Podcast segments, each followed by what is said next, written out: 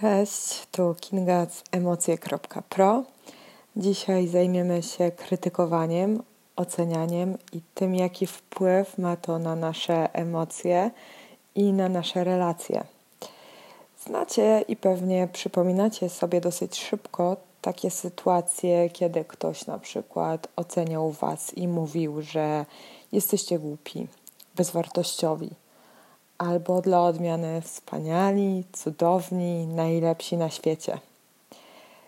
Takie oceny, pozytywne czy negatywne, wpływają na nasze emocje w okamgnieniu. Zgodzicie się ze mną? Dobry, zły, brzydki, głupi, idiota, szalony, okropny, okropna itd. Tak Można wymieniać takie oceniające stwierdzenia w nieskończoność. Chciałabym, żebyście zadali sobie teraz pytanie, jak często słyszycie lub wypowiadacie takie lub podobne słowa na głos albo w swoich myślach. I jaki ma to wpływ na ciebie i innych ludzi? Czy oceniacie może tylko siebie, czy również innych? Czasami ocenianie jest konieczne chociaż raczej osądy nie są produktywne i raczej sprawiają, że czujemy się źle. W niektórych sytuacjach są one zdecydowanie konieczne. Na przykład w pracy jesteśmy oceniani na podstawie wyników. W szkole mamy podobną sytuację. Są też takie chwile, kiedy musimy ocenić, czy dana sytuacja jest bezpieczna, czy nie. Czy wąż, którego spotkaliśmy w lesie, może być jadowity, czy też nie czy ten pies, który właśnie na nas biegnie, jest dla nas zagrożeniem, czy po prostu chce się z nami przywitać. Właśnie dlatego umiejętności nieoceniania nie polegają wyłącznie na całkowitym wyeliminowaniu ocen. Musimy również znać język, którego używamy, kiedy takie oceny formułujemy. Zupełne pozbycie się ocen jest bardzo trudne, jeśli nie niemożliwe. Potrzebny nam jest taki szczególny rodzaj oceniania, którego musimy się nauczyć, i w terapii dialektyczno-behawioralnej nazywany jest on rozróżnianiem. Musimy na przykład rozróżniać chociażby takie relacje czy zachowania, które nam służą, od takich, które nam nie służą. Naszym celem jest rozróżnianie. A czym tak naprawdę to ocenianie jest? Co to są osądy? Słowo osąd odnosi się do oceny osoby, danej sytuacji lub zdarzenia. Mówiąc innymi słowami, kiedy oceniamy, tworzymy pewną opinię. I może to być opinia albo pozytywna, albo negatywna o kimś lub o czymś. Możemy sobie na przykład pomyśleć lub powiedzieć: Ona jest taka miła, on jest słodki, ona jest dziwna, on źle się ubiera, on jest głupi i tak dalej. Ocenianie jest bardzo, bardzo powszechne. Zastanówmy się teraz, jak często to robimy. Ile razy dziennie wypowiadamy właśnie tego typu słowa? Traktujemy je trochę jak skróty myślowe, tak żeby bardzo szybko wyrazić swoje zdanie, opinię na jakiś temat ocenianie jest po prostu bardzo, bardzo powszechne. Uczymy się go tak naprawdę od dziecka. Gdy głębiej zastanowimy się nad tym, jak często zdarza się nam oceniać, okazuje się, że większość z nas ocenia stale, przez cały dzień. Mówimy na przykład: To jest piękny dzień, ten palant idiota mi przerwał, ten film był okropny. Ocenianie jest tak powszechne w naszym społeczeństwie, że jest nam bardzo trudno tego nie robić. Nic dziwnego, nauka wydawania ocen zaczyna się już w dzieciństwie i przez lata systematycznie w szkole, w domu, w pracy uczymy się, jak oceniać, jak to robić. Nic więc dziwnego, że w dorosłym życiu robimy to praktycznie non-stop. Być może zaczęłaś, zaczęłaś zastanawiać się teraz nad tym, hmm, skoro osądy są tak powszechne, każdy to robi, każdy ocenia, to dlaczego niby miałyby stanowić one jakiś problem? Jeśli wszyscy osądzają, to dlaczego ty miałbyś, miałabyś się nimi przejmować, przestać osądzać? Po co się w ogóle męczyć? Krótka i chyba najlepsza odpowiedź jest taka, że negatywne oceny mogą sprawić, że pojawią się nieprzyjemne, bolesne emocje, których można byłoby uniknąć. Istnieje cały szereg czynników, które doprowadzają do tego, że ostatecznie ocenianie prowadzi do odczuwania właśnie nieprzyjemnych emocji. A jak ocenianie prowadzi do emocji? W jaki sposób się to dzieje? Oto co dzieje się krok po kroku. Występuje jakaś sytuacja lub zdarzenie. Na przykład koleżanka napisała ci właśnie dzisiaj, że musi jednak odwołać wasze spotkanie, na które umówiliście się dwa tygodnie temu. Pojawia się emocja, na przykład smutek. No i tutaj dzieje się cała magia.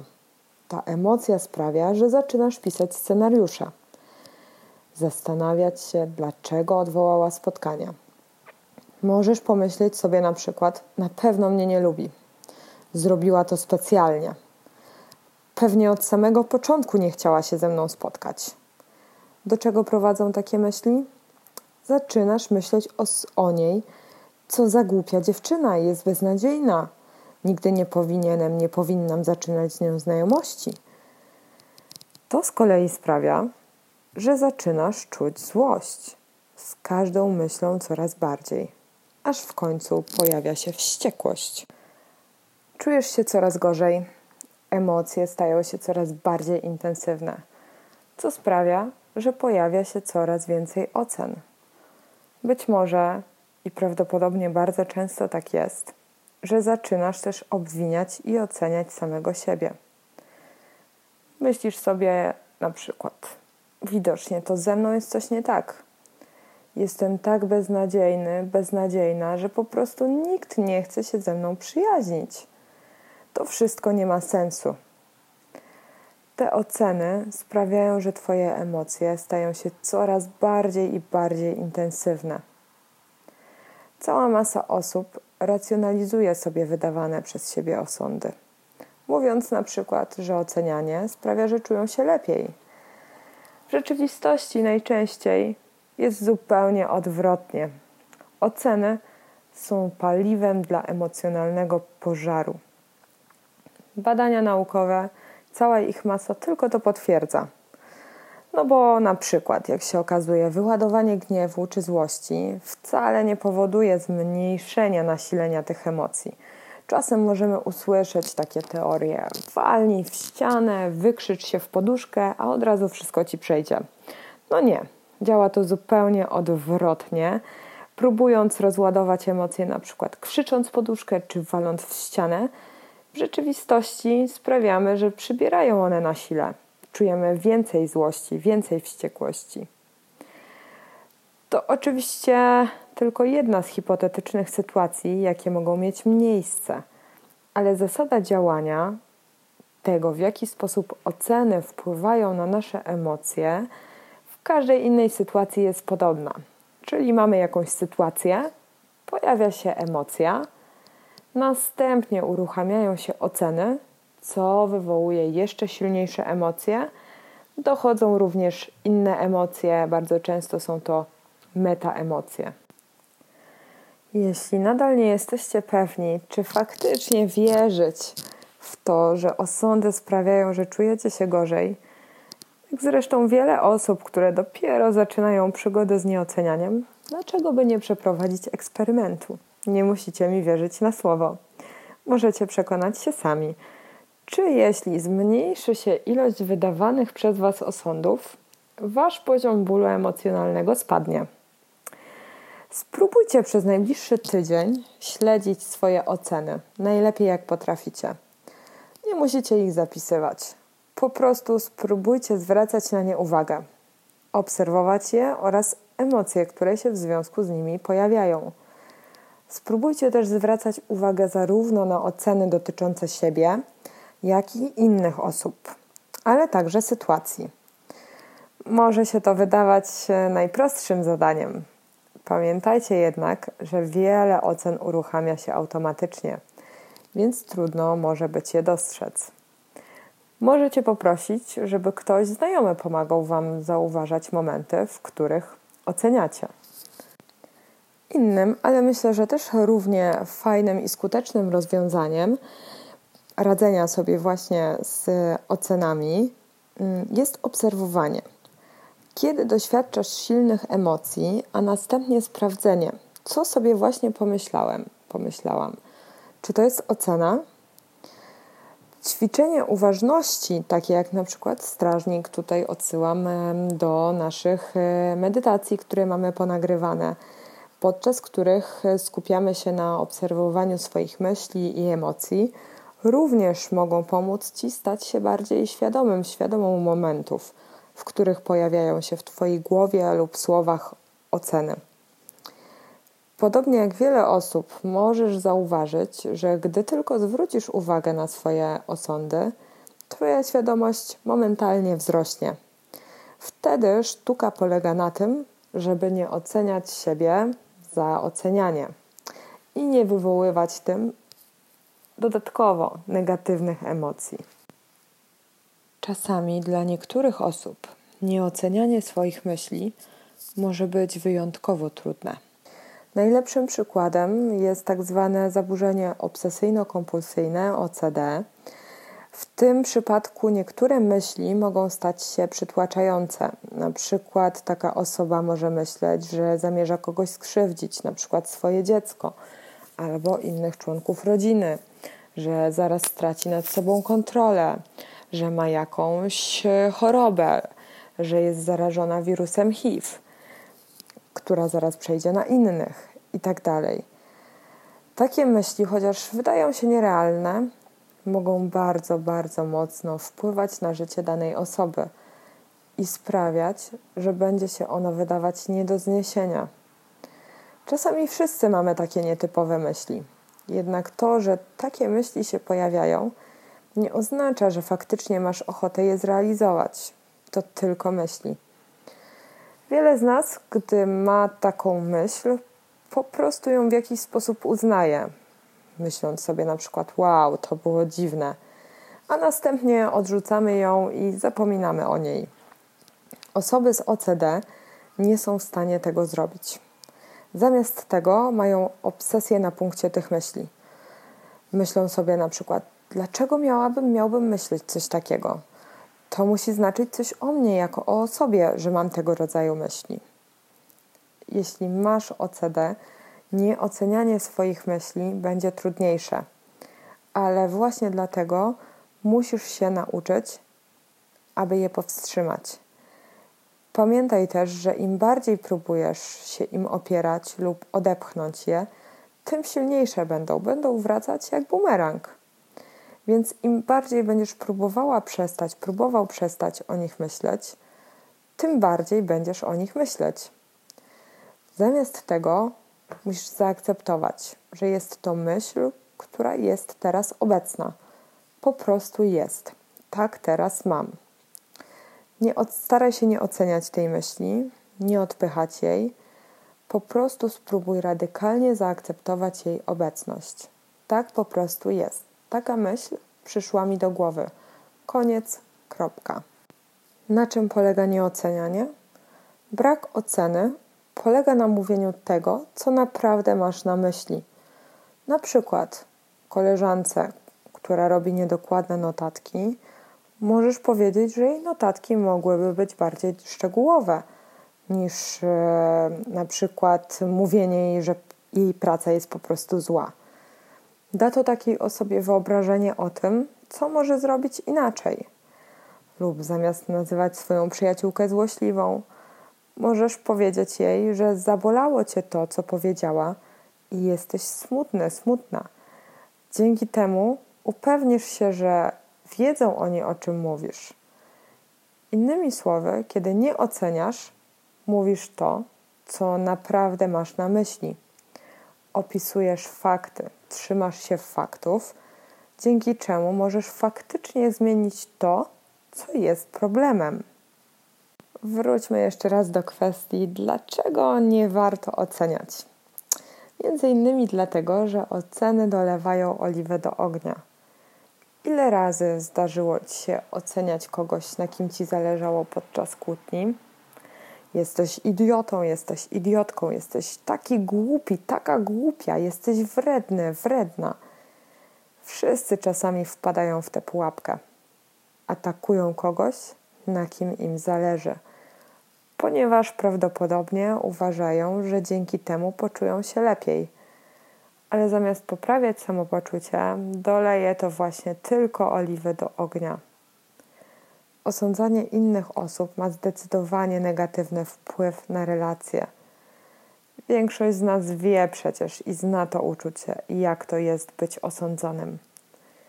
Pamiętaj o tym uczuciu podczas interakcji z innymi. Myślę sobie, że ograniczenie ocen innych osób będzie miało pozytywny wpływ na Twoje relacje z nimi. Nadal możesz nie wierzyć, że samo osądzanie może mieć tak ogromny wpływ na emocje lub to, co myślisz i czujesz na swój temat. Chciałabym, żebyście jednak wiedzieli, że ciągłe osądzanie samego siebie jest formą słownego znęcania się. Kiedy krytykujesz siebie za to, że popełniłeś, popełniłaś błąd, nazywając siebie głupią, głupią, bezwartościowym, bezwartościową lub idiotą, werbalnie się obrażasz. Czy w ten sposób rozmawialibyście ze swoimi najlepszymi przyjaciółmi? Wydaje mi się, że nie. Dlaczego więc robicie to właśnie sobie? Mówienie do siebie w ten sposób z czasem prowadzi do obniżenia samooceny i wzmaga bolesne emocje. Niestety jest też tak, że oceny na swój temat są zwykle trudniejsze do wyłapania niż osądy, które wydajemy na temat innych osób. Jednym z powodów tego jest to, że po prostu często nie wypowiadamy ich na głos. Po prostu są to tylko nasze myśli, albo aż nasze myśli. Drugim powodem jest to, że dość często oceny samych siebie są nawykowe, czyli trwają od dłuższego czasu od kilku lat, miesięcy. A kiedy coś jest nawykiem, trudniej jest to niestety zmienić. Jeśli uznasz, że ocenianie właśnie siebie jest dla ciebie problemem, zacznij pracę od zauważania ocen innych osób i sytuacji, ponieważ może ci być łatwiej je wyłapać i nie będziesz się frustrować, że to zadanie ci nie wychodzi, a wraz ze wzrostem uważności prawdopodobnie zauważysz, kiedy będziesz oceniać również siebie. No dobrze, wiecie już trochę, czym są osądy, co się dzieje z naszymi emocjami, kiedy właśnie oceniamy lub jesteśmy oceniani. A co z tymi osądami możemy zrobić? Taką pierwszą i bardzo ważną rzeczą, o której należy wiedzieć i pamiętać, ucząc się nieoceniania, jest to, że nie chodzi o to, żeby tłumić swoje emocje lub być całkowicie biernym w ich obliczu. Celem nie jest także zaprzestanie dokonywania ocen tylko negatywnych. Pozytywne oceny to nadal oceny. Może nam się wydawać, że są one niegroźne. Przecież wywołują raczej emocje pozytywne. Czujemy radość, kiedy ktoś nas pozytywnie oceni. Sprawiamy komuś przyjemność, kiedy pozytywnie oceniamy. Ale problem polega na tym, że jeśli ocenisz kogoś lub coś jako coś pozytywnego, może to zawsze w bardzo szybkim tempie zmienić się w negatywne. Na przykład, jeśli powiesz, że uważasz, że twój partner jest cudowny, najwspanialszy na świecie, a kolejnego dnia sprawi ci on jakąś przykrość, bardzo łatwo możesz przejść do oceniania go jako człowieka okropnego. To jest właśnie pułapka, w którą wpadamy oceniając. W takiej sytuacji świat jest czarno-biały. Coś jest albo dobre, albo złe. Jak sobie poradzić z tym? Po pierwsze, warto skupiać się na faktach i te fakty opisywać. W podanym powyżej przykładzie możesz powiedzieć: Mój partner robi dla mnie A, B, C i D, dba o moje potrzeby i tak dalej. Lub w drugiej wersji scenariusza, że zrobił coś, co cię zabolało i jesteś na niego złe, zła. Różnica jest taka, że trzymasz się faktów, które się nie wykluczają. Twój partner może jednocześnie robić dla ciebie te wszystkie miłe, przyjemne rzeczy, i czasem może się zdarzyć, że zrobi coś, co cię zrani. Dzięki porzuceniu osądów i trzymaniu się faktów, świat nabiera barw, rzeczywistość przestaje być albo tylko dobra, albo tylko zła. Podsumowując, kiedy próbujesz pozbyć się ocen, pamiętaj o sprawdzaniu faktów. Czyli co konkretnie się wydarzyło, co nagrałaby kamera, co zobaczyliby inni ludzie, co zobaczyłaby mucha siedząca na ścianie.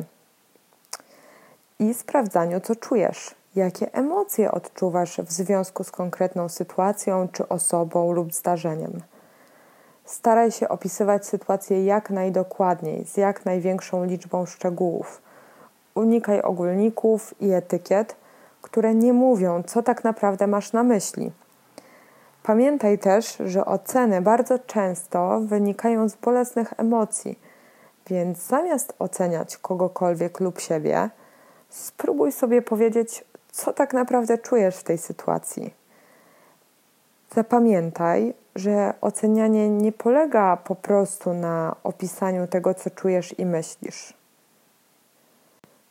Ważne jest również, abyście zapamiętali, że nieocenianie polega po prostu na opisaniu tego, co czujesz i myślisz. Na przykład, jeśli zdarza ci się myśleć, jestem głupi, głupia, co jest oceną, możesz przeformułować to stwierdzenie, opisując fakty, na przykład w ten sposób: Popełniłem, popełniłam błąd i jestem zły, zła na siebie. Moi drodzy, mam nadzieję, że wiecie już, czym jest e, ocenianie, nieocenianie i jak rozróżnić ocenianie od właśnie rozróżniania.